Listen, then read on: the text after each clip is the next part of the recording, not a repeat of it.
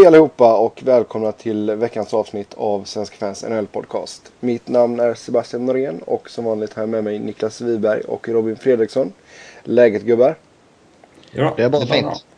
Gött! Eh, vi är ju mitt uppe i en eh, spännande avslutning av eh, grundserien här i NHL. Och i nattens matcher såg vi ett par intressanta resultat som hade lite impact på hur tabellen ser ut. Eh, om vi börjar med eh, New York Rangers mot Winnipeg Jets så tog Rangers en eh, 4-2 seger och eh, håller ett eh, fast grepp om eh, Eastern Conference. Ja, viktigt att ta den där nu när Pittsburgh torskade häromdagen också. Mm. Mm. Det, första platsen kan bli avgörande. Ja, nej, Winnipeg in- inledde ju bäst i matchen och hade ju även en eh, 2-0-ledning innan eh, Rangers fick fart på skridskorna och vände och vann. Sedan så såg vi eh, Columbus slå Detroit med 4-2. Eh, Detroit Det trodde man inte. Nej, Detroit, Detroit fortsätter ju att blanda och ge lite här. Ja. Man har ju gått eh, 3-5-2 i de senaste 10. Det är väl inte eh, jättebra direkt. Nej, det verkar nog ha smugit sig in en lite falsk eh, trygghet lite att de är klara för slutspel och sådär. Men den här hemmafördelen mot Nashville kan ju bli fruktansvärt avgörande i i första rundan i slutspelet. Liksom. De, eh, det här är ju riktigt viktiga matcher för dem nu. Då får man inte torska mot Columbus. Liksom. Så är det. Nej, men ställer man Conklin i mål så får man ju skylla sig lite själva också. Men har de inte Howard och McDonald skadad? Jo, men de kan ju sätta en back i mål och det blir bättre. Ja. Ja, De har Sen, sen, är ju, sen är ju frågan också egentligen vil, vilken betydelse har egentligen en hemmafördel eh, för Detroit med tanke på vilken rutin och vilken erfarenhet de ändå har i den här truppen. Eh, spelar det så väldigt stor roll? Jag vet inte, jag tror faktiskt inte det. Alltså man har ju varit, Utan, eh, rugg, man har varit ruggiga hemma under säsongen. Alltså nytt rekord och allt det här. Men, och jag menar, vad är man på bortaplan är man 16, 21, 3 liksom. Så det är, om man kollar på statistiken så är det klart att hemma för det hjälper. Jo, det, det gör det ju alltid. Medan medans men, Nash, eh, Nashville har varit ga- ganska jämn bra. Eller vad man ska säga. De har varit, eller klart, de har i också varit jävligt bra hemma. Men de har Alltså- ju varit ganska bra på eh, on the road också liksom. Mm. Fast man jag, jag tror snarare att hemmafördelen är nog betydligt mer viktigt för Nashville än vad det är för Detroit, om man säger så. Ja, det är det. Men eh, alltså, kollar man över de senaste tio åren eller vad det är, så är de två bästa hemmalagen i NHL Nashville och Detroit. Så det är ju inte jättekonstigt om en hemmafördel skulle visa sig vara avgörande i den, den slutspelsrundan. Nej, det är sant. Om vi då går vidare till nästa match så eh, såg vi ett utmärkt Los Angeles Kings slå Calgary med 3-0. Det- Definitivt peta bort Calgary från eh, slutspelsjakten. Ja, det kan vi väl Ja, det känns som det var sista spiken i, i kistan där. Nej, Kings, eh, de behövde ju de två pinnarna där för de, eh, just nu ligger de sjua i eh, Western Conference. En poäng bakom Dallas då som leder Pacific Division och är därmed trea och på samma poäng då är även San Jose på åttonde plats. Så det är fortsatt eh, riktigt getingbo där. Um, annars kan vi säga att Kings såg ju helt okej ut i matcherna så det Cal- Calgary var väl inte, de hotade väl inte så jättemycket och Kiprosov var hyfsat mänsklig. Så det var ju skönt för alla Kings-fans i alla fall.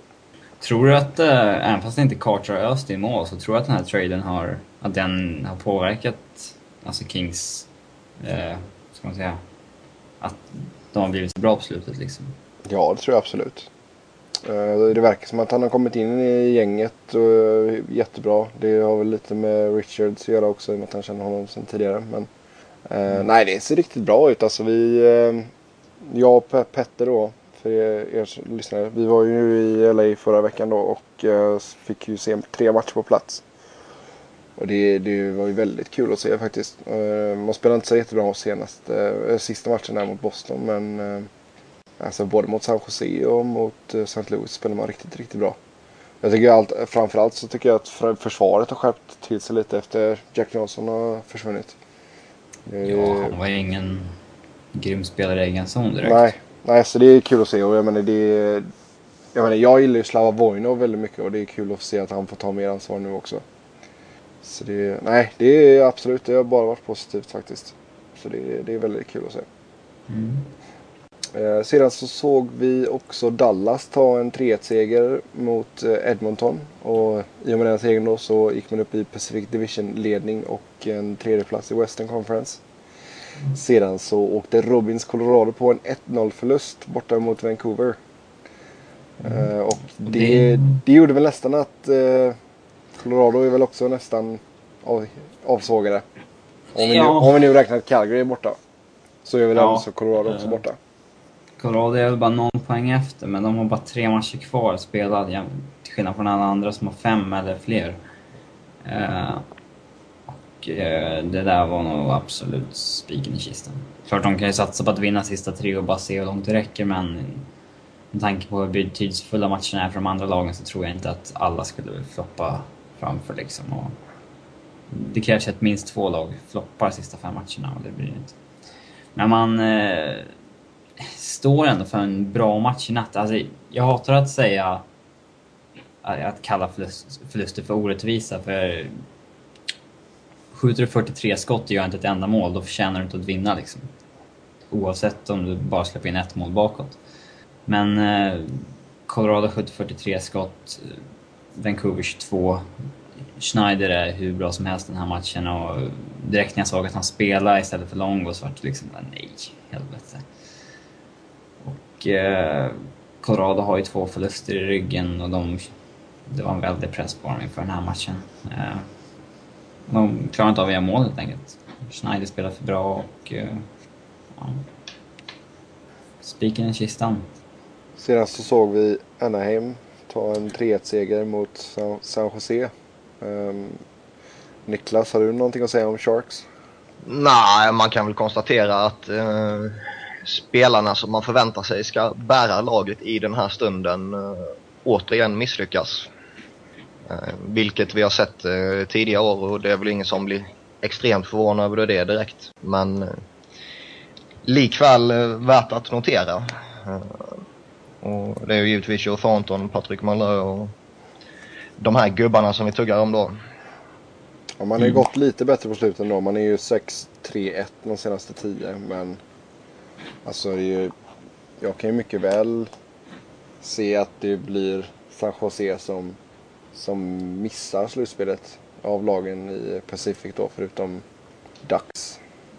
För det är ju, Ja. just, nu, just nu är det ju Dallas, LA, Sharks och Phoenix som ger upp. Phoenix kan mycket väl gå om. Ja, alltså det är... Om, om vi tittar lite snabbt då på vilka matcher som är kvar. Jag menar Phoenix, Phoenix har ju jätte, jätteviktigt möte med Sharks natten till fredag. Eh, Den matchen kan mycket väl liksom avgöra alltihop. För sen har man ett ganska lätt schema på pappret i alla fall. Sen möter Phoenix Ducks, Blue Jackets, ett St. Louis Blues som redan är klara och Minnesota. Medans San Jose har ett dubbelmöte med Dallas och ett dubbelmöte med Kings kvar efter matchen mot Phoenix. De möter fem lag som har mycket att spela om. Mm. Och tre, eller fem lag. De har mött De tre, tre lag som har mycket att spela ja. Ja. Och tre lag som är i form också. Ja. Så att eh, de har ett tufft schema. Fast å andra sidan så har de ju egna händer eftersom de möter lag som är där nere. Så tar de så bara i kragen så borde de klara det liksom. Men Jo, alltså jag menar Phoenix är 4-2-4 så jag menar liksom det, det, man lyckas ändå få med sig en, alltså en, minst en poäng för matcherna. För det mesta. Så äh, det blir spännande att se. Det, det blir en äh, riktig nagelbitare för många fans här nu den närmsta veckan. Om, om vi går vidare till lite andra nyheter då så eh, såg vi att uh, Evgeni Nabokov signade nytt kontrakt med eh, Islanders. Eh, Robin, har du detaljerna på det kontraktet?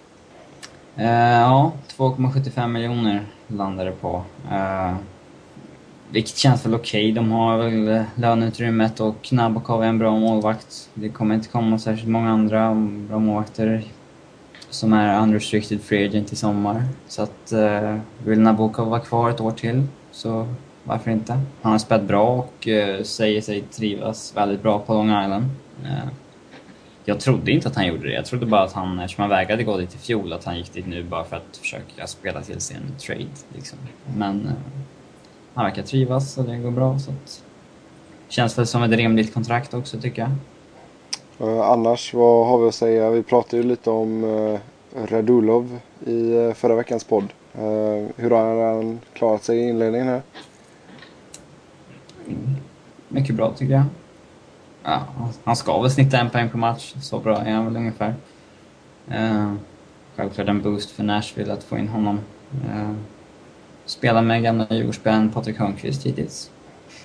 Uh, ja, han är bra helt enkelt. Sedan så alltså nämnde vi också Duncan Keith, eh, hans tackling på Daniel Sedin. Och han fick fem matchers avstängning. Var, var det tillräckligt Niklas? Ja, alltså det, det har ju börjat föra ett, eh, en härlig diskussion lite nu på olika forum och, och hemsidor på nätet här om eh, den värsta bestraffningen för Chicago och Keith kanske faktiskt skulle vara att inte stänga av honom överhuvudtaget. Eftersom han nu får väldigt välbehövlig vila inför eh, slutspelet. Det, givetvis kan man inte resonera så som eh, Brennan känner han och, och, hans position va. Men eh, fem matcher, alltså bara fem matcher om man säger så. Det var ju väldigt många som ville ha ännu hårdare straff för honom och att han till och med skulle missa några eller någon slutspelsmatch. Mm. Eh, vilket jag kanske tycker skulle vara lite hårt sett till tidigare bestraffningar. Alltså René Borks eh, fem matcher mot eh, Niklas Bäckström till exempel och eh, en väldigt liknande situation här mellan Duncan Keith och, och Daniel Sedin då. Så sett till det kan jag väl tycka att fem matcher är, är rätt så okej. Okay. Men eh, jag tycker att generellt så bör man eh, öka bestraffningen för just armbågstacklingar. För det, Alltså våld alltså. mot huvudet oavsett om det är armbåge eller om det är axel eller vad det nu är, är ju hur man än vrider och vänder på det otroligt farligt. Eh, och ja. framförallt den kraften som det blir när man kommer med en armbåge. Ja, det, bägge Bork och Keats tacklingar är ju... Det är liksom inte tacklingar. De kollar ju de, det enda de tänker på där är att försöka skada den andra spelaren så mycket de kan. Mm. De har ju ingen... Det är inte som att försöka dela ut en tackling och du råkar träffa han på hakspetsen istället för på axeln om du kommer från sidan. Eh, även om det såklart är lika farligt så är det ju inte direkt samma sak som att medvetet gå in för att skada någon liksom. För att du planerar det flera sekunder innan. Så det tycker jag att syns tydligt att både Keith och Bork gör i de fallen. Så jag, jag hade velat ha en längre avstängning på båda två, tycker jag. Ja, vi kan ju nämna också att eh, Sedin är ju borta på obestämd tid. Men eh, förhoppningsvis är han tillbaka snart. För det är väl en sån spelare som eh, Canucks absolut behöver i slutspel. Ja, verkligen. Sen eh, har vi några andra nyheter då orda om. Ja, på tal om Bäckström så är ju han på väg mot comeback nu i alla fall. Uh, han åker med Washington till Boston inför uh, nattens match här nu och uh, vi får väl se om han medverkar. Det, det nämns att han eventuellt kan spela. Um, Jonathan Toews börjar närma sig en comeback för uh, Chicago också. Um, han har tränat och tränat och tränat och blir bättre och bättre för varje dag som går. Så förhoppningen från Chicagos håll är väl att eh, han ska spela innan slutspelet drar igång. Eh, nu har de precis fått tillbaka Steve Montador också som är spelklar. Så det är inte bättre för Chicago att, ja, som att inte liksom riskera varken Taves eller ja, nu slippa ha Keith också för att då kommer de ju förmodligen sexa och få möta Dallas eller någonting istället för att klättra upp som femma och få möta Detroit och inte ha en hemmafördel. Samtidigt vill man ju gärna att eh, typ en, en Turfs som är så extremt jävla viktig för dem både i det offensiva och det defensiva spelet att han får eh, en match eller två eller tre innan det verkligen tuffar till sig. Oavsett vilka man får möta. Ja, men i, alltså, motståndet... Skillnaden på att möta Detroit eller Dallas tycker jag är bra mycket större än ifall Taves har spelat en, till två matcher före slutspelet börjar eller inte. Säg inte det. Säg inte det. Alltså det man, man, ska inte underskatta just att, att en spelare får komma, komma in och, och känna på det innan han måste in och verkligen prestera från första eh, sekunden. Ja, det är mycket möjligt också att han kommer in och man kommer ändå sexa. Liksom. Det, Ja, ja. det, det är inte antingen eller. Liksom. Det, Yes.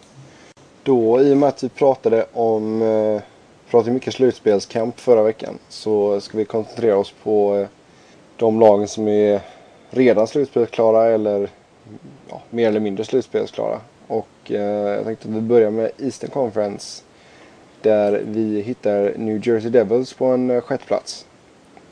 Vad har Robin att säga om New Jersey?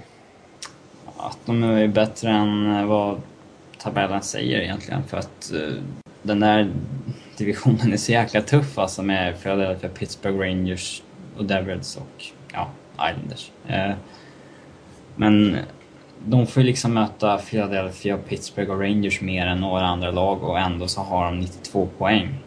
Men med tanke på att de har de tre lagen framför sig i den division så ligger de bara liksom sexa i, i Eastern. Uh, sett till hur, vilket tuffare schema de har än de andra lagen så, bör de vara mycket nöjda med 92 poäng tycker jag. Tror du att de kan hota någon i slutspel då? Just nu ser det ut som att de får möta Florida. Ja, och den tror jag att de sveper rätt lätt. Faktiskt. Niklas? Ja, alltså man bör ju alltid höja ett varningens finger för New Jersey.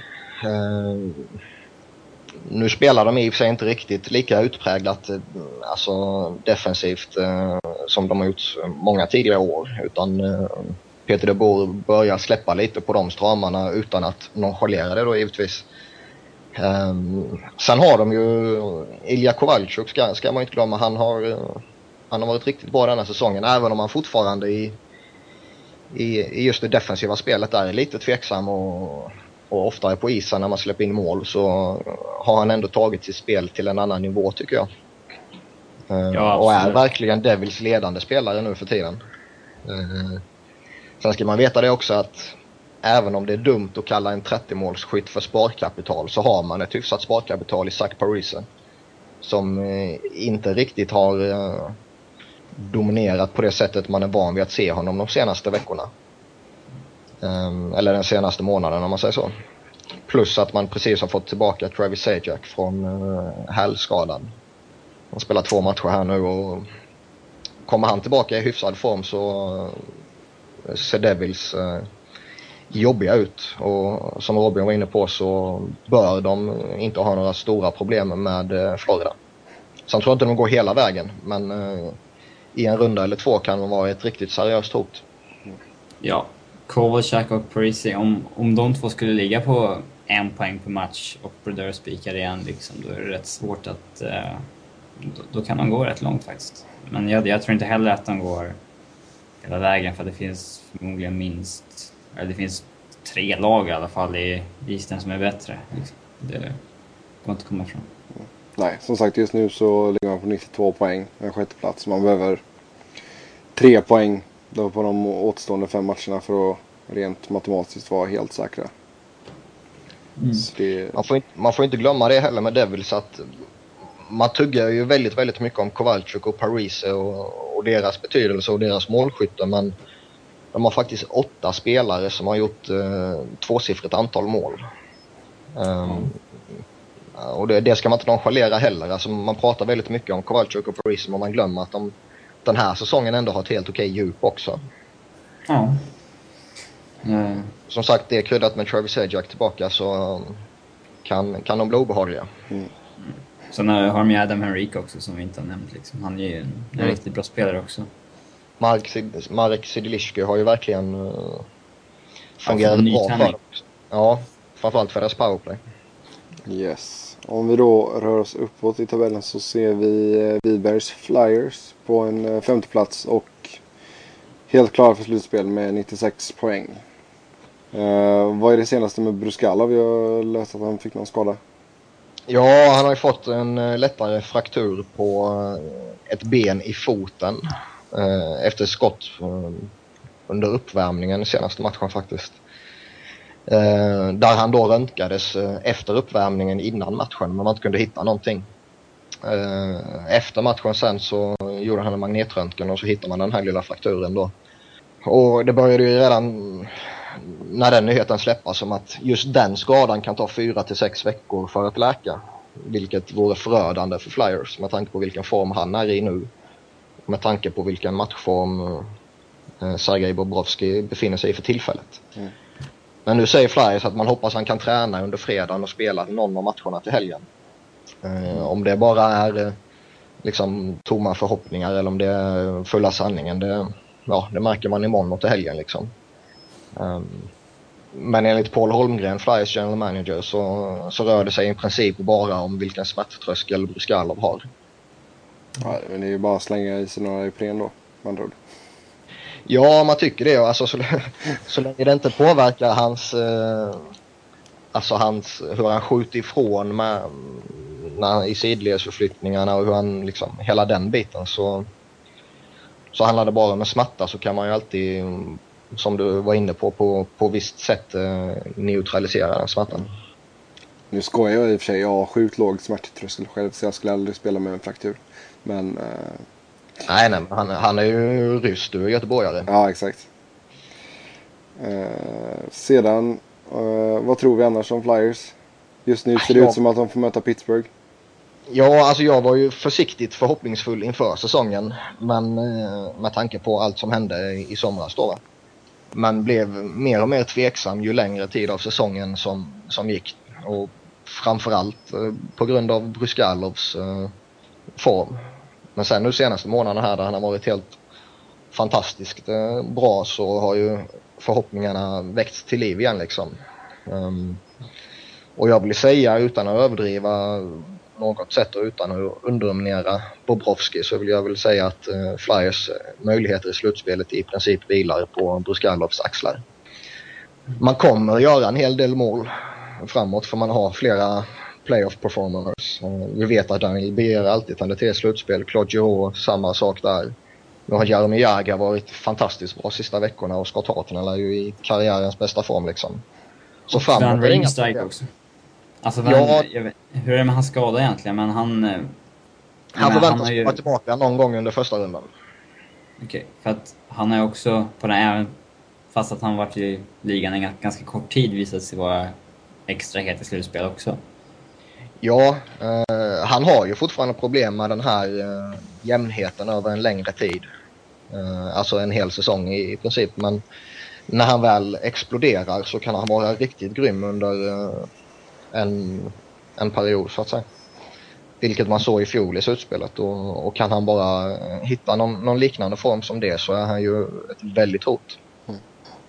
Yes, om vi då går över till eh, vilka det ser ut att bli i alla fall i första rundan. Uh, Pittsburgh Penguins som ligger på fjärde plats. 100 inspelade poäng. Crosby tillbaka på riktigt. Ja, alltså håller man sig bara friska så är Pittsburgh ligans mest svårstoppade lag.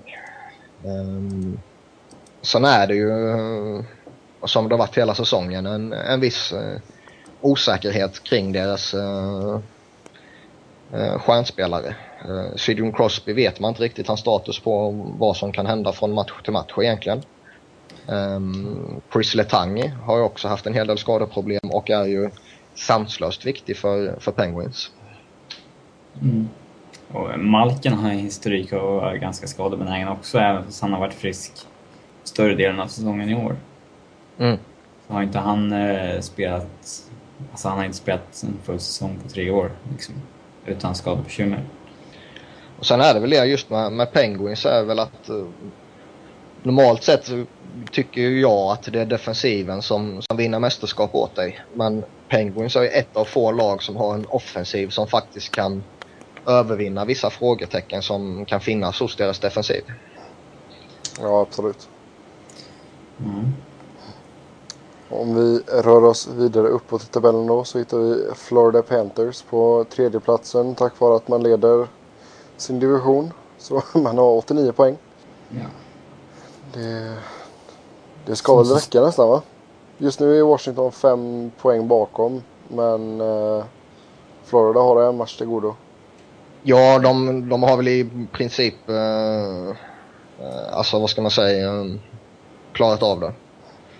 Um, jag tror inte att de kommer eh, tappa första platsen i, i divisionen. Nej. Jag ser inte att de kollapsar på det sättet. Sen kommer man inte komma förbi första rundan i slutspelet, men det är ju en annan sak. Eh, Nej, men alltså sen också för- Florida är det ju en enorm framgång att bara ta sig till slutspel. Eh, Ja, ta- och ta man får se det, också. Ja, man får se det på det sättet också. Ja. Alltså de har ju gjort en fantastiskt stark säsong ju. Absolut. Sen är de inte på den nivån som uh, övriga topplagen är liksom. Men uh, all heder till dem för den här insatsen. Det, den kan man inte ta ifrån dem. Sen är det som, som Robin säger och det, som vi nämnde innan också. Jag tror inte de kommer ha något att säga till om i ett slutspel. Om det nu inte blir så att uh, Ottawa skulle ta sig förbi New Jersey. För jag, där kanske. Yes. Och på andra platsen så hittar vi Boston Bruins som också är divisionsledare då i Northeast. Ehm, 93 inspelade poäng. Plus 63 i målskillnad. Och där har det hänt en del. Alltså, för några månader sedan så satt vi och snackade om att Boston kunde vinna två i rad. Men nu har de en Tim Thomas som har darrat lite på slutet och de är egentligen fjärde bäst East liksom. De eh, börjar se lite trötta ut faktiskt. Men de har ju spel, det blir ju en jävligt lång säsong alltså. Ja, absolut. Med kort uppehåll efter. I och med att man gick hela vägen förra året. Så det, det är väl inte så konstigt ifall det börjar ta ut sin rätt. Nej. Nej, jag, ty jag tycker man börjar se det rätt tydligt hos dem nu att eh, som, som du var inne på, den, den långa säsongen som var i fjol och den här säsongen kryddat med lite, lite problem utanför isen med kanske då framförallt Tim Thomas.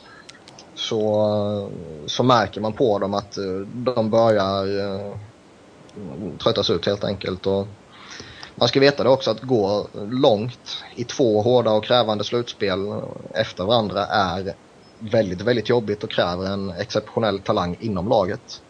Eh, Tim Thomas har givetvis förmågan att tända till och, och bära Bruins i ett slutspel på ännu en gång. Eh, och han är lagets viktigaste spelare tillsammans med Chara och Bergeron.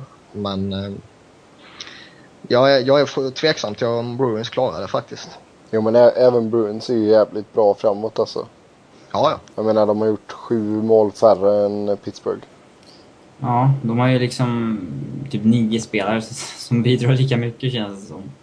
Men eh, självklart kommer de slå ut Ottawa eller Buffalo i en första runda, det, det tror jag. Men eh, sen så fort de stöter på antingen Pittsburgh, Philadelphia eller Rangers så tror jag att det blir tufft. Eller till och med New Jersey. Mm. Och eh, sen förstaplatsen då i Eastern Conference. Eh, New York Rangers. 105 inspelade poäng och det, det blir väl ändå så de som tar hem hela Eastern Conference va? Ja, med ett varningens finger för Pittsburgh. Uh, ligger i och för sig fem poäng efter men uh, Penguins har en match till godo också. Uh, Rangers har i och för sig gått bra nu senaste matcherna här men uh, har vacklat lite in, innan dess och några förluster här och där och samtidigt som Penguins springer på så kan de mycket väl uh, bli omsprungna. Ja, Mm. Pittsburgh möter ju Rangers sista matchen. Också. Mm. Och den, den det kan räcker bara med att de uh, är två väldigt poängs... mycket. räcker bara att de är inom två poängs eh, radie liksom. Ehm, och så, men som sagt, jag, jag är lite tveksam till Rangers. De, de har gjort en jättebra säsong och det kan ingen ta ifrån dem.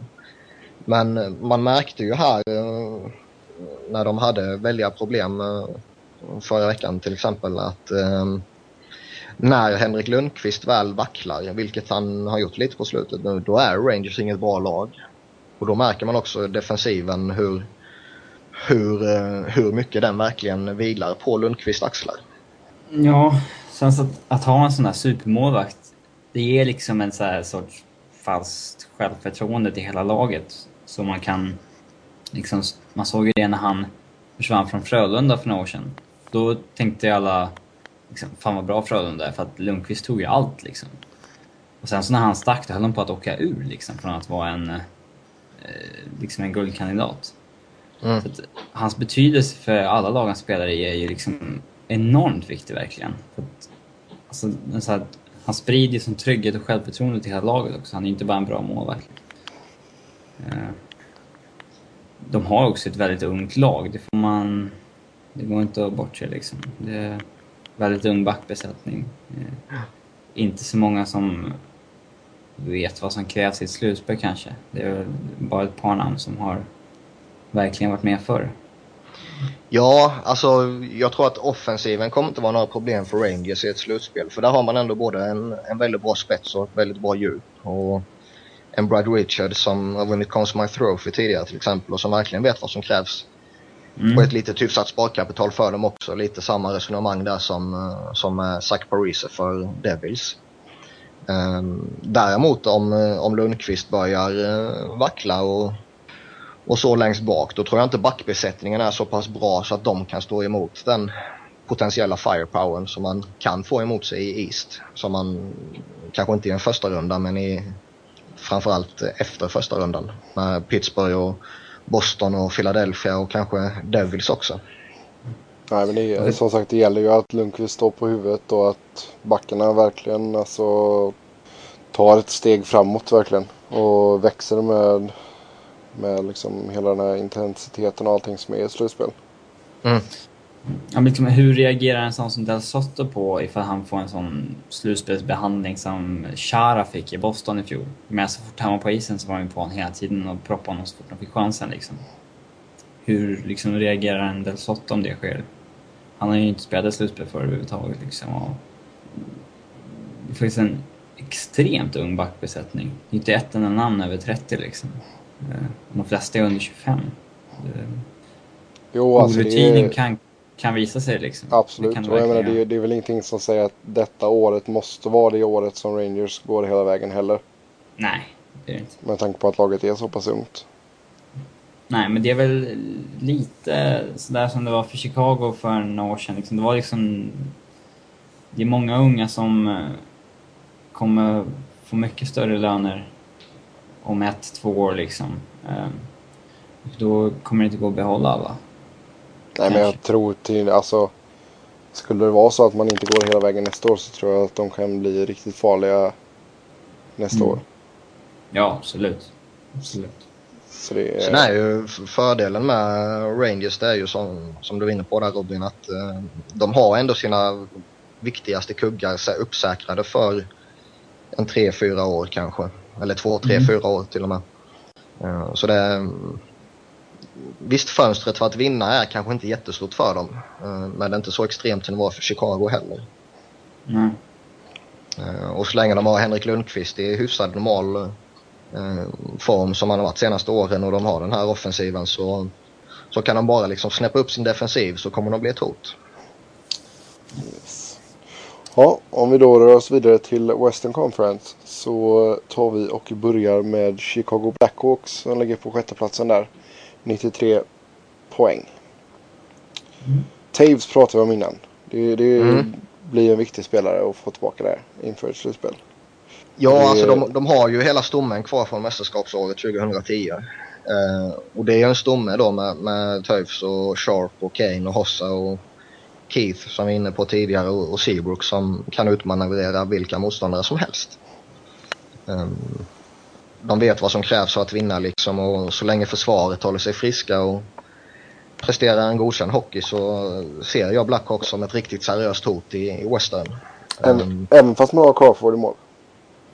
Ja, alltså kunde de vinna med Niemi i mål så ser jag inga uh, större tveksamheter till att de inte kan bli ett hot med Crawford i mål också. Så länge försvarsbesättningen presterar en bra defensiv tillsammans med forwards och givetvis under förutsättningen att Toews kommer tillbaka i gammal god form. De som Udoja har ju faktiskt gått in och gjort det riktigt bra i Chicagos backsättning. Jag såg han spelade faktiskt 30 minuter här om natten. Det har nog inte han gjort ofta i NHL, men han har faktiskt gått in och gjort det bra på riktigt liksom. Ehm. Ja, och de börjar bli friska nu också liksom. Steve Montador tillbaka som vi nämnde och och liksom har de bara en hel och frisk backbesättning och sen när Duncan Keith kommer tillbaka efter sin avstängning också då, då ser det helt plötsligt helt okej okay ut där liksom. Um, och in med en Toews där också så nej alltså Chicago de, de blir farliga. De blir riktigt farliga. Så det är lite av en omvänd situation där om vi jämför med Rangers då? Att det är Ja, backbesättningen är så pass bra att man inte behöver en målvakt som står på huvudet hela tiden. Ja, om de presterar den hockeyn som de kan prestera. Sen är ju, kan man ju vända på det också. Om backbesättningen skulle börja vackla lite och, och det kanske bara är Seabrook och Keith som, som håller eh, den nivån som, som alla vet att de kommer hålla i princip. Men övriga backar börjar eh, få problem. Då, då kan målvakts eh, frågetecknet eh, verkligen kollapsa så att säga. De, deras backbesättning har ju vacklat tidigare år liksom. Det, Mm. det har de ju verkligen gjort. Sen ska man veta det också att Chicago behöver verkligen snappa upp sina special teams. Både powerplay och penalty killing är eh, alltså underkända. Powerplay på 15,3 procent och en penalty killing på 78,6. Det är inga siffror som man vinner något mästerskap med. Powerplay borde inte vara något problem med det laget de har, tycker man. Alltså med de spelarna de har. Nej. Sen har jag i och för sig, visst de, de har haft en del problem under säsongen med, med eh, allt från eh, skador till eh, lite allmänt kaos och, och jättelång förlustsvit och grejer. Men kan de bara få ordning på grejerna inför slutspelet här nu och som sagt Töjs kommer tillbaka i normal form så um, ser jag dem som ett av de absolut starkaste hoten i, i Western. Sen om vi går upp då till femteplatsen så har vi Nashville Predators på 96 poäng och de är klara redan. Matematiskt sett. Och eh, ja, Nashville. Är det, har, jag har ju nämnt dem som en dark horse innan. Och Jag får, får jag något medhåll? Jag skulle inte vilja möta dem i ett slutspel. Det kan jag säga. Uh, det, men de, de såg redan ut som en dark horse innan. Sen kommer den här oväntade förstärkningen av Radulov som... Det, det försvagar ju absolut inte laget. Eh, och sen så har de en målvakt som kan spika igen. Så har de ett backpar som alltså, är kanske NHLs absolut bästa just backpar faktiskt. Uh, Sutter och Webber är helt fenomenalt bra liksom. Uh, Så har de tre kedjor som alla kan producera poäng. Även fast de inte har någon så här renodlad första kedja verkligen. Men de har liksom tre bra kedjor. Så att uh, de är verkligen en... Alltså, de är ett av mina ja, lag i West som jag håller högst faktiskt. Jag tror inte Nashville kan gå hela vägen. Eh, jag tror de kan bli extremt jobbiga i en runda eller två. Och jag skulle inte vilja möta dem i första rundan till exempel. Eh, som Robin var inne på så har de ju, eh, om inte ligans bästa så i alla fall ett av ligans bästa backpar då i Weber och Sutter. Och nu har de till skillnad från i fjol ytterligare ett shutdown-par som kan gå in och plocka bort motståndare i Halgil. Ja, framförallt Halgil då, och sen vem han nu spelar med, vilket senaste tiden har varit François Bouillon. eh, som är defensivt väldigt pålitligt par. Och sen en Pekarina, om han kan spika igen så, så ser det ju spännande ut där i alla fall. Sen finns det frågetecken offensivt. Visst, de har en bra bredd som Robin var inne på, men eh, jag ser ingen forward som kan bära dem framåt i ett slutspel. Nej, de har Eh, ingen vad då- första kedja liksom. Nej, alltså Radulov, visst han är bra och sannolikt, eh, om man säger eh, världens bästa spelare utanför NHL innan han kom till NHL så att säga. Eh, jättebra givetvis, men han är inte någon offensiv katalysator på något sätt och han kommer inte vara någon frälsare som väldigt många verkar se honom som. Nej, alltså hade han, hade han kommit in och spetsat till en första kedja, till exempel kommit in i Alltså typ Pittsburgh eller något så här tillsammans med en annan stjärna också, då hade det verkligen kunnat explodera. Ja, Men ja. alltså, i ett Nashville så han spelar inte bredvid någon riktig första center någon gång liksom. Och eh, han spelar tillsammans med Patrik Hörnqvist liksom, som visserligen är liksom bra på sitt sätt, men han är inte någon eh, alltså, superstjärna liksom på något sätt. Nej, nej. Sen får man inte glömma det heller när, när man pratar Predators att deras eh, special teams är riktigt bra. Powerplay är ju ligans bästa till exempel och så länge man har ett powerplay som ankras av Shea Weber och Ryan Suter så, så kommer ju det leverera. Eh, Mm. Penalty killing också väldigt pålitligt och, och där ser det väldigt bra ut för, för Nashville. Men eh, som sagt i, i ett slutspel i, i det långa loppet så har jag svårt att se att eh, det är någon som kan kliva fram och bära dem offensivt. Nej, men det, det, det sa man väl kanske lite om Boston i fjol också. De har inte, hade, hade inte riktigt heller den där... alltså första kedjan på samma sätt. Men eh, de hade ju Nej, de, på, de påminner en hel del om varandra, det har du helt rätt i. Men uh, med Nashville som en liten uh, light-version av Boston typ. Ja, en bra målvakt och ett jättebra backpar och väldigt bred forwardsuppsättning liksom. Mm. Sen tycker jag att Boston har lite mer spets i sin forwardsbesättning. Framförallt känns de tyngre och de kan nöta ner sina motståndare på ett annat sätt än vad Nashvilles forwards kan göra. Ja, absolut. Men, men som sagt ett, ett riktigt seriöst hot i, i en runda eller två. Och vore jag Detroit som sannolikt kommer få möta dem i första rundan så skulle jag i alla fall vara lite orolig. Yes. Och då går vi vidare till just Detroit som ligger på fjärde plats just nu. Är klara för slutspel, 97 poäng. Det har inte gått bra för det sista, sista tiden. 3-5-2 senaste 10. Nej, de har haft lite skadeproblem där och, och sannolikt så börjar kanske vissa spelare då som, som har lite skavanker och så här också slå av lite på takten just för att kunna bli fräscha till slutspelet. Och eh, vi vet att Detroit när de väl är i slutspelet så kommer de bli farliga. Och, och jag ser dem tillsammans med Chicago bland annat då som ett verkligt hot i, i Western. Eh, med tanke på vilka ledande spelare de har och vad de har presterat tidigare i karriären. Alltså Pavel Datsjuk och Henrik Zetterberg kan ju eh, ensamma bära Detroit till en ny Stanley Cup. Eh, succé och Niklas Lidström är ju fortfarande ruggigt bra. Både offensivt och defensivt även om poängen inte alltid har trillat in den här säsongen. Ja, alltså Detroit är... De, de är Detroit liksom. De kommer gå Mm. långt i slutspel. De gör alltid det liksom. Och eh, de har spelare de vet kliver fram när det är slutspelsdags. De har extremt mycket rutin. De har en bra målvakt. Eh, det enda som skulle hindra dem, tror jag, från att gå i alla fall till en konferensfinal, det är om de fortsätter skadebekymmer på Howard så att de måste spela med Conklin. Ja, Då åker de det känns bra akilleshälen där. Då åker de ju Ja, lite så är det. Eh, Jimmy Howard, om han är frisk och, och kommer tillbaka till normal nivå så har han ju annars tagit eh, en väldigt skönt eh, kliv på sin utvecklingskurva. Och är en pålitlig målvakt nu för tiden. Mm. Sen är det lite Ja, samma sak som, som med Chicago. De behöver också snäppa upp sina special teams. Eh, powerplay på 16,5 procent när man pratar Detroit är ju nästan skamligt lågt. Mm. Det är ju för att en sån som Zetterberg har inte varit lika bra i år som tidigare. Men eh, Nej. i ett slutspel så vet man ju vad man kommer få av honom. Liksom. Ja, där kommer han kliva fram. Samma sak med Datsjuk. Liksom, de har komplementspelare som också gör sig väldigt bra i ett slutspel. Typ Franzén och Dan Cleary. Todd Bertuzzi är ju fortfarande väldigt kompetent. De har många och- playoff performers liksom. Eh, Ja, verkligen. Fra- Franzén framför allt. Eh, sen så, de har ju också många spelare som höjer sig när de spelar bredvid en Datsuk eller en Zetterberg. Mm. Men det är många Detroit-fans som de vill ju knappt se Franzén i laget om han inte spelar bredvid Datsuk. Det är han ju inte... det är han ju... Han ibland liksom. Ehm, Men eh, både Datsuk och Zetterberg gör ju sina kedjekamrater riktigt, riktigt bra. Mm. Yes. Det är som sagt ny- nyckeln som vi var inne på tidigare. Det är ju Jim Howards eh, status. Ja, Ja, går, går man in med Conklin så åker man mot Nashville liksom. Ja, det gör man med McDonald också.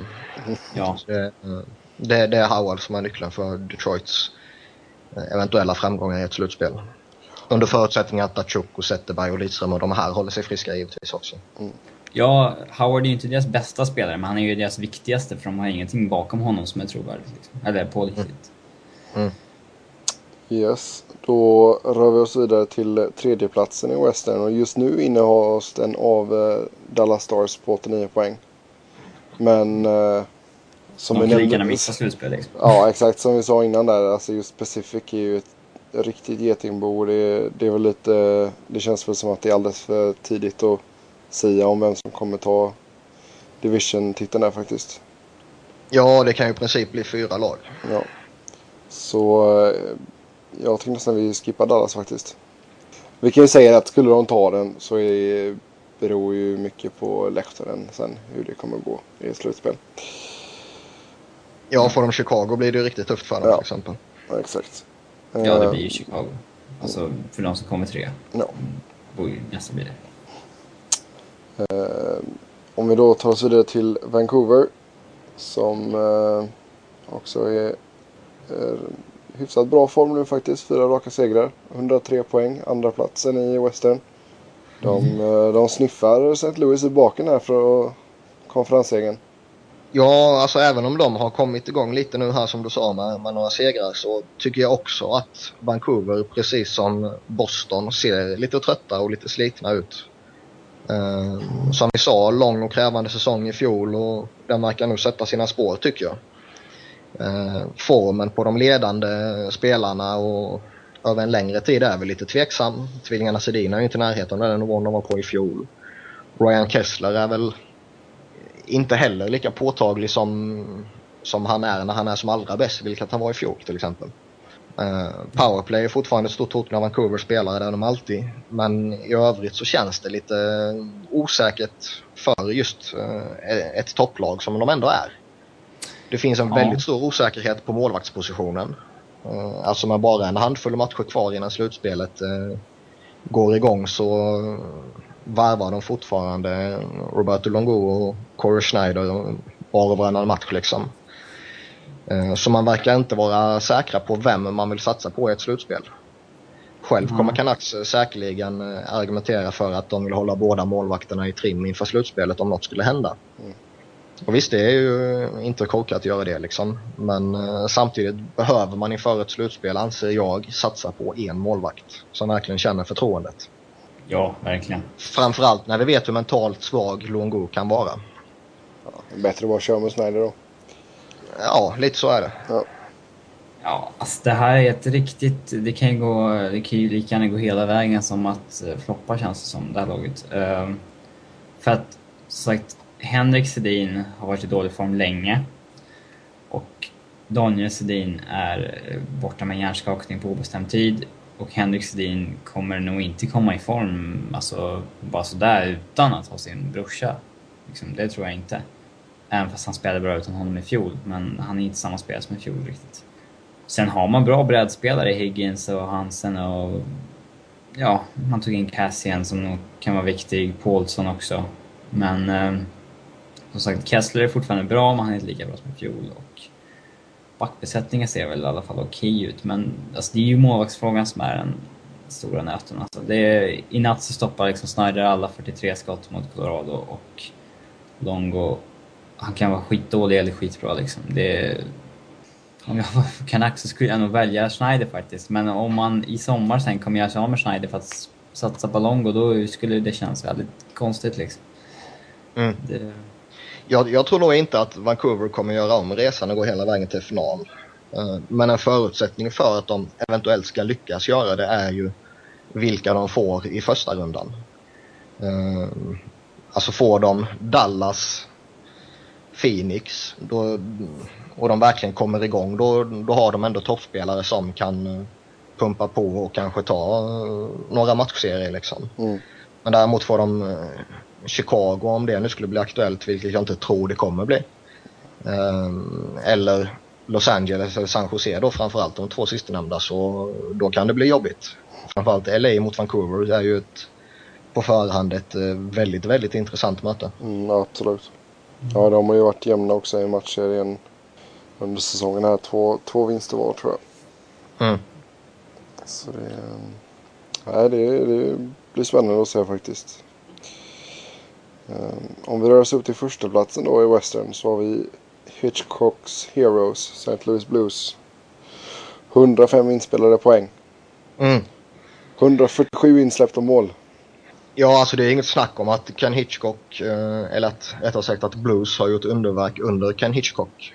Um, men jag vill fortfarande hävda att laget är väldigt, väldigt oprövat i slutspelssammanhang. Och vi vet av erfarenhet att eh, man generellt sett behöver en viss erfarenhet från slutspelet eh, innan man kan lyckas fullt ut. Eh, om det nu inte är eh, ett lag med en alldeles sanslös talang. Mm, men den talangen ser jag inte i St. Louis.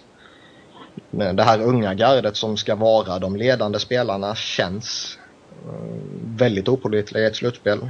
De har i princip noll slutspelserfarenhet.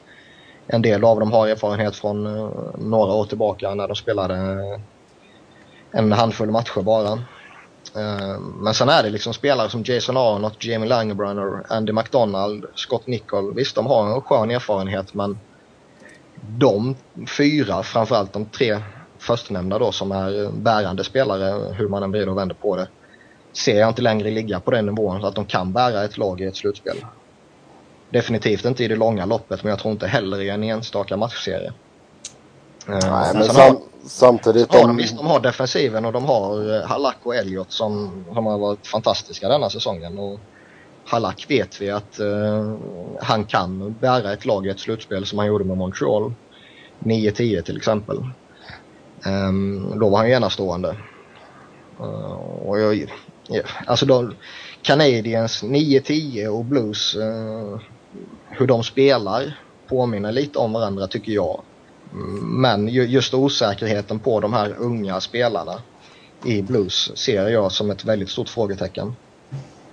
Jo men alltså grejen är ju så länge de två spikar igen så räcker det att de vinner med 1-0 i övertid varje match. Jo, men kommer de klara det i ett slutspel? Alltså det, slutspelshockey kontra grundseriehockey är eh, en väldigt, väldigt skillnad. Jo, absolut. Jag säger, alltså, om det är någonting de har så är det ju defensiv alltså.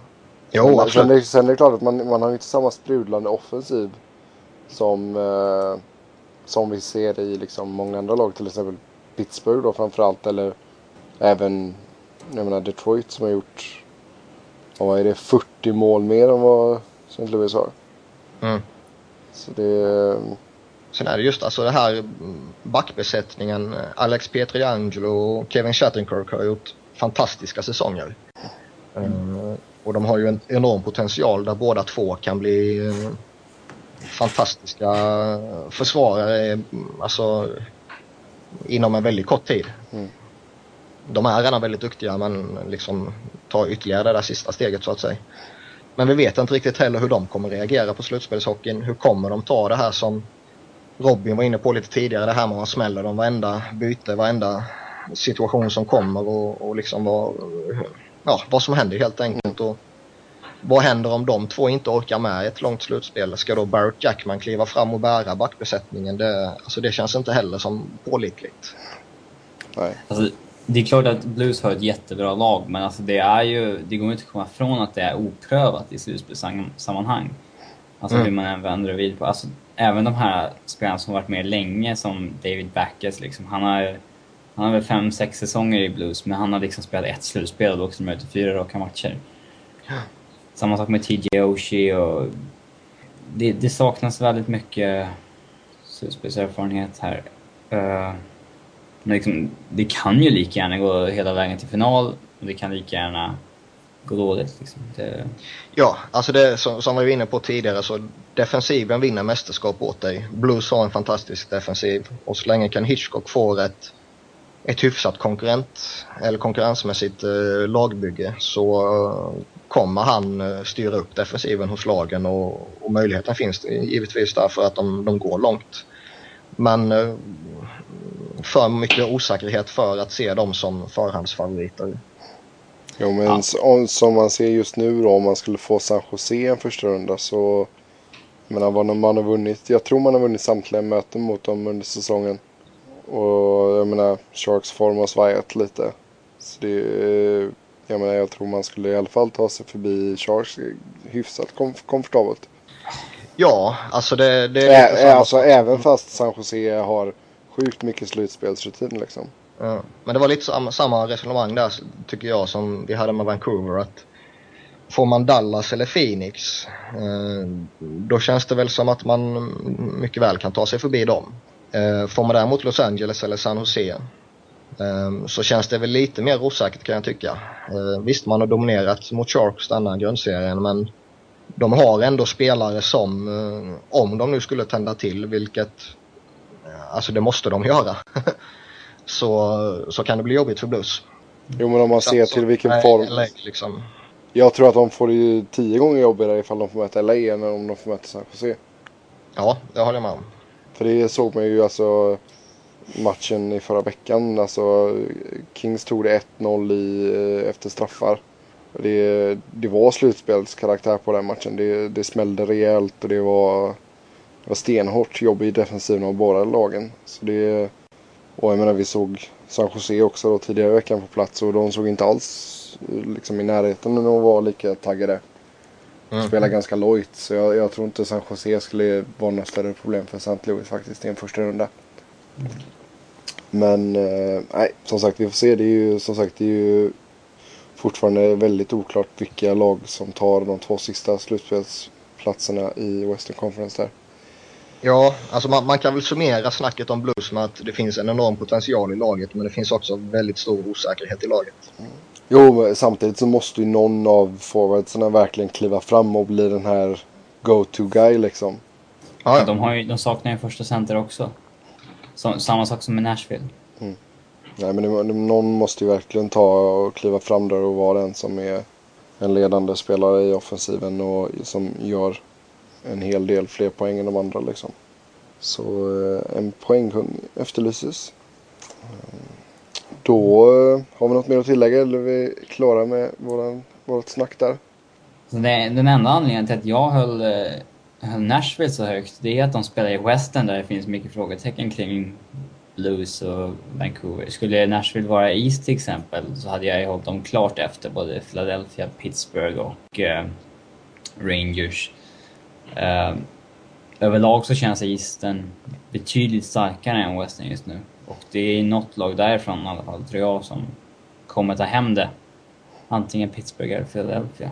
Det eh, känns som den första rundan kommer bli väldigt, väldigt avgörande. Ja, om jag, ja, om jag överraskar det här lite och säger nu då. Vilka, vilka lag spelar Stanley Cup-final? Vi börjar med Niklas. Uh, Detroit mot Pittsburgh. Robin? Kan vi se. uh, Nashville mot Philadelphia då? Oj. Då säger jag Vancouver mot New York Rangers. Så, så. Tre vilt, vilt skilda svar. Det blir bra. Så får vi se vem som hade, om någon av oss ens hade rätt där. Sen. Um, kan alltid hoppas. Det, det jag ser gärna att Robin har rätt givetvis. Phoenix Buffalo. Nej. Ja, den blir Florida går hela vägen. Ja, exakt. Nej, då. Um, då drar vi oss vidare och så ska vi göra vår eh, presentation av tre goa lirare. Detta är eh, podcast nummer 29.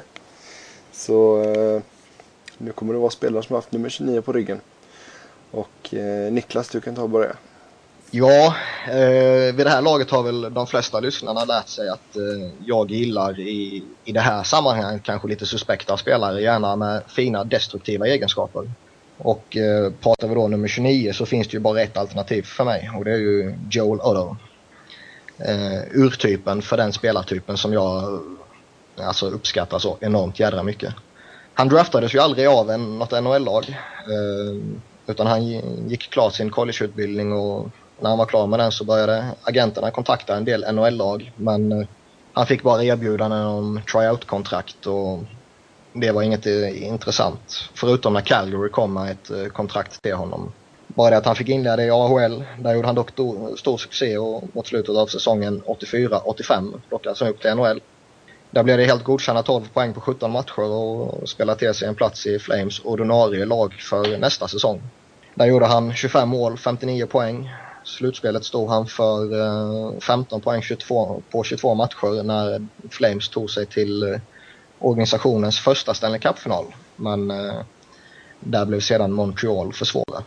Under 80-talet sen så etablerade han sig som en av ligans främsta defensiva centrar och eh, i princip så blev han konstant matchad mot eh, motståndarnas toppspelare. Han hade grymt tvåvägsspel, en enastående förmåga i tekningscirkeln och eh, hade underskattade offensiva kvaliteter även om det givetvis var hans defensiva kvaliteter som främst lyftes fram. Han hade en stor del i Flames Stanley Cup-titel 1989 eh, där de defensiva kvaliteterna var väldigt påtagliga men där han också stod för 19 poäng på 22 matcher. Eh, ja, och kring eh, slutet 80-talet, början 90-talet där så var han en etablerad toppspelare i NHL som tvåvägsforward då. Eh, han blev nominerad till Selke Trophy två gånger om och eh, 95 hade han väl förhoppningar om att förlänga kontraktet med Flames men eh, lite halvklass ekonomi i Calgary gjorde att han tvingades lämna efter 11 säsonger i den organisationen. Istället signade han för Philadelphia och eh, slutet på karriären så användes han väl mer eller mindre uteslutande som en defensiv kraft där han fortfarande var en väldigt, väldigt kompetent center. 97 spelade han karriärens tredje Stanley Cup-final med Flyers mot Detroit då, men där blev det ju tyvärr torsk. Säsongen eh, därefter blev han sista i NHL, uh, eh, slutade därefter, men den centeruppsättningen Flyers hade under hans tid i klubben är ju definitivt inte något att leka med med Eric Lindros, Rod Brindamore och Joe Lodo. Uh, eh, man vann ju i princip alla teckningar på den tiden. Så det var goda tider. Han var ju även väldigt framgångsrik i det amerikanska landslaget och 91 tog han som lagkapten USA till andra platsen i Canada Cup. Och eh, fem år senare var han med och vinna World Cup med USA. Totalt blev det 943 NHL-matcher och 508 poäng. Eh, I slutspelssammanhang blev det 74 poäng på 122 matcher och som sagt en Stanley Cup-titel på tre finaler. Och eh, idag är han assisterande coach i Calgary Hitman som är farmarlaget till Calgary. Och där har han varit några år. Men det är en grymt skön lirare som jag har all respekt för. Ja absolut, det är bara att hålla med där faktiskt. Det var väl även kul att se honom uh, spela Heritage Classic. Ja, man, uh, man måste älska Joe då. Så är det bara. Yes. Robin. Ja. Jag har valt uh, en spelare som inte spelade jättelänge i NHL, men ändå ett tag. Kenny Jönsson. Rögle-ikonen som eh, draftades eh, 93 av Toronto Maple Leafs. Och eh, efter OS 94, OS-guldet där med 94, så eh, testade han lyckan i Nordamerika och började i AHL men blev ganska snabbt uppflyttad till NHL-laget. Men blev inte långvarig i Toronto utan för att de tradade bort honom för att ta hem eh, Wendell Clark. Vilket man inte kan klandra dem för. Eh, men eh, de tappade också en jättebra back till eh, New York Islanders då. I, eftersom Kenny Jönsson var en oerhört skicklig tvåvägsback. Eh, och eh, ut, utsågs till Islanders bästa spelare på 2000-talet trots att han bara spelade tre, fyra säsonger på 2000-talet. Ehm, så det säger kanske mer om organisationen Islanders senaste åren än om Kenny Jönsson. Men man ska ju inte förringa hans insats ändå. Han spelade ändå åtta, eller åtta och en halv säsong i Islanders och var en av deras bästa backar hela den tiden. Eh, men sen lockout-säsongen så valde han att eh, sticka hem och spela i Rögle. Sen blev han helt enkelt kvar.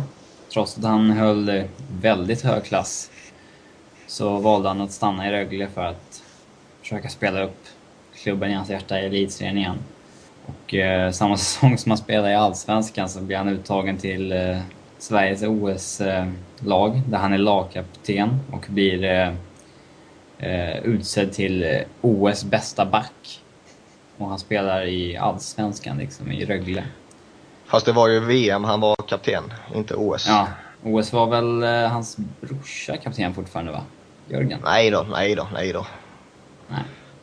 Och Mats Sundin ju. Ja, just det. Äh, samma... äh, han, äh, han, han, spelade fem säsonger i Rögle innan han la av. Äh, han spelade 07-08 när de gick upp. Och sen så spelade han en säsong med dem i elitserien. Och sen så direkt när han hade lagt av så åkte de ur igen. Äh, han var ju helt avgörande egentligen för Rögles eh, elitserieexistens.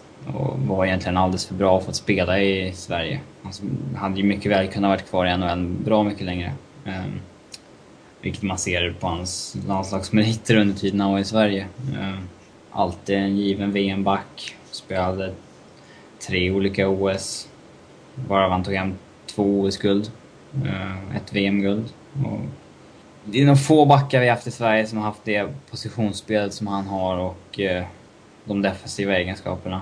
Han uh, har ruggigt tung att möta där i Rögle faktiskt. Sen så hade han lite problem med hjärnskakningar och sånt där i NHL och mm, kanske hämmade honom lite men eh, han hade mycket väl kunnat spela kvar i NHL mycket längre för att han var riktigt, riktigt bra när han var som bäst. Ja, vad har ni att säga om Kenny Jönsson? Alltså vad han åstadkom sen han flyttade hem till Rögle igen, eh, framförallt då på den internationella arenan kanske, är ju helt otroligt egentligen. Eh, att kunna gå från allsvenskan som i sammanhanget är en jävla skitserie om man pratar OS givetvis. Och sen gå in och bli utsedd till OS bästa back. Eh, och göra en väldigt mm, bra turnering på alla sätt och vis.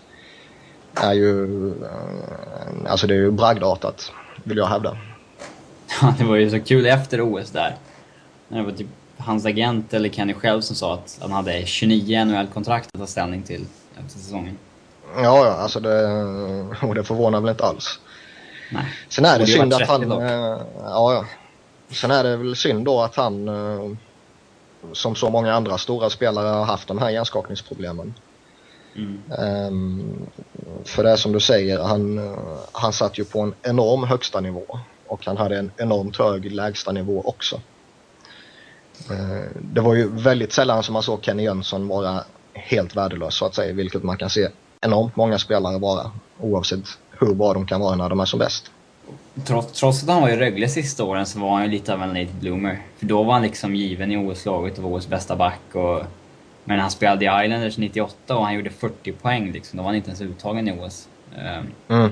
Så att... eh, mm, det går ju inte att liksom tyda på hans karriär riktigt att han var en late bloomer på det sättet eftersom han spelade i Rögle sista åren. Men... eh, Han var ju fruktan... Han var nästan som bäst när han var en bit över 30. Liksom. Ja, och att han inte tappade något tempo när han gick ner och spelade i Allsvenskan. Eh, även om det under långa stunder kan gå väldigt, väldigt fort i Allsvenskan. Eh, rent skridskomässigt. Men eh, spelet med pucken går ju alltid så fort där nere. Ehm, ja, det, det är väl vad som imponerar mest på mig. Han spelade ju inte få minuter direkt i Rögle när han var där. Då, det är väl- det är väl sällan backar ligger över 30 minuter i snitt, men det gjorde han ju alla säsonger där. Liksom. Sen att de åker ur direkt när han sticker, det säger väl... eh, Eller sticker när han la av liksom. Det säger väl det mesta om hur betydelsefull han var för Rögle. Mm. Yes. En ikon helt enkelt. Oh, Ja, då eh, tar vi oss in på den sista spelaren då. Eh, mitt val här. Det blir Mike Vernon. Legendarisk målvakt. Framförallt i Calgary Flames. Um, han är väl mest känd för tröja nummer 30. Men eh, han har även spelat i, eh, i 29 och tagit en Stanley Cup-vinst i 29. Så vi, eh, jag tar honom för denna veckan. Vi, det blir så jäkla mycket målvakter nästa vecka. Eh, så eh, Mike Vernon då eh, valdes i andra rundan av Calgary Flames i 1981 års draft.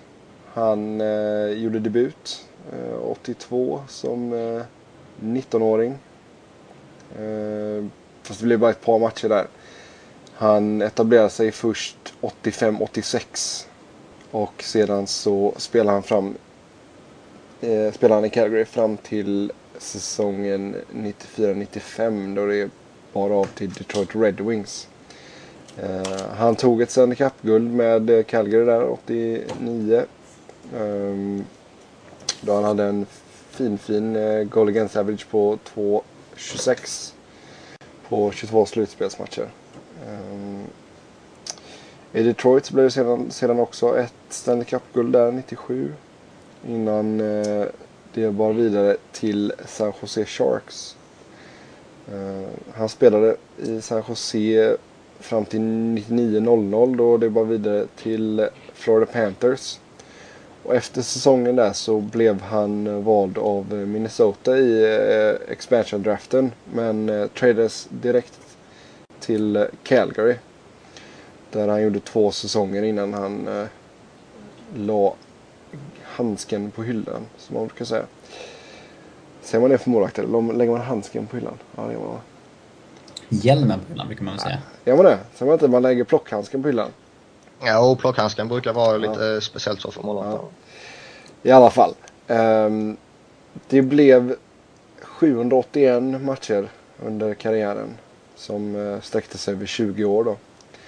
Och eh, 385 vinster. Det är helt okej. Ehm, Ett eh, goal against average på 2,98 får väl ändå så anses att vara helt okej. Eh, han gjorde även 138 slutspelsmatcher, 77 vinster. 2,68 i goal against average. Eh, han vann Conn Smythe Trophy som eh, slutspelets bästa spelare.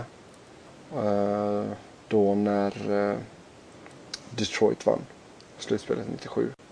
Då hade han 16 vinster, 4 förluster och 1,76 i uh, goal against average. Det är helt okej okay, alltså. och det var, ju, det var ju första Stanley Cup-vinsten för Detroit på 42 år.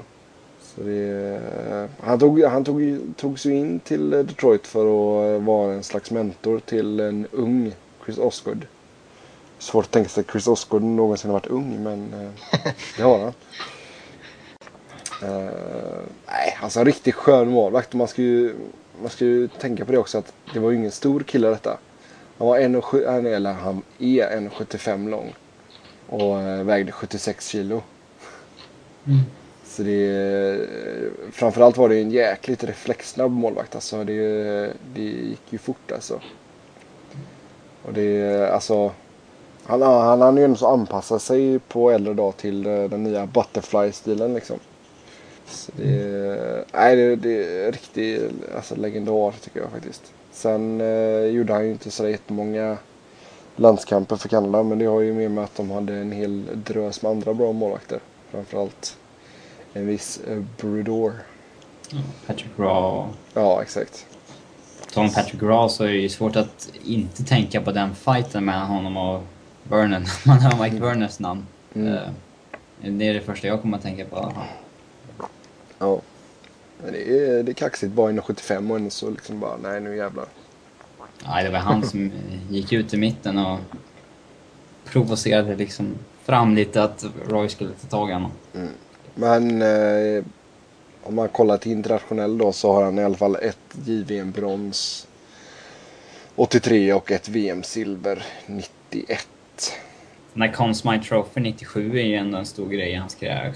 Det är väl det största han har liksom Stanley Cup med Detroit och vinna Conn Smythe Trophy. Som... Ja, med tanke på vilka andra spelare Detroit hade i det där lagbygget så är det ju en skön merit att ha. Absolut. Några andra ord om Vernon? Nej. Mm. Du sammanfattade väldigt bra. En väldigt skön målvakt. Och som jag sa innan där, det kommer ju bli en del målvakter i nästa vecka. Jag ska göra mitt bästa för att inte ta en målvakt.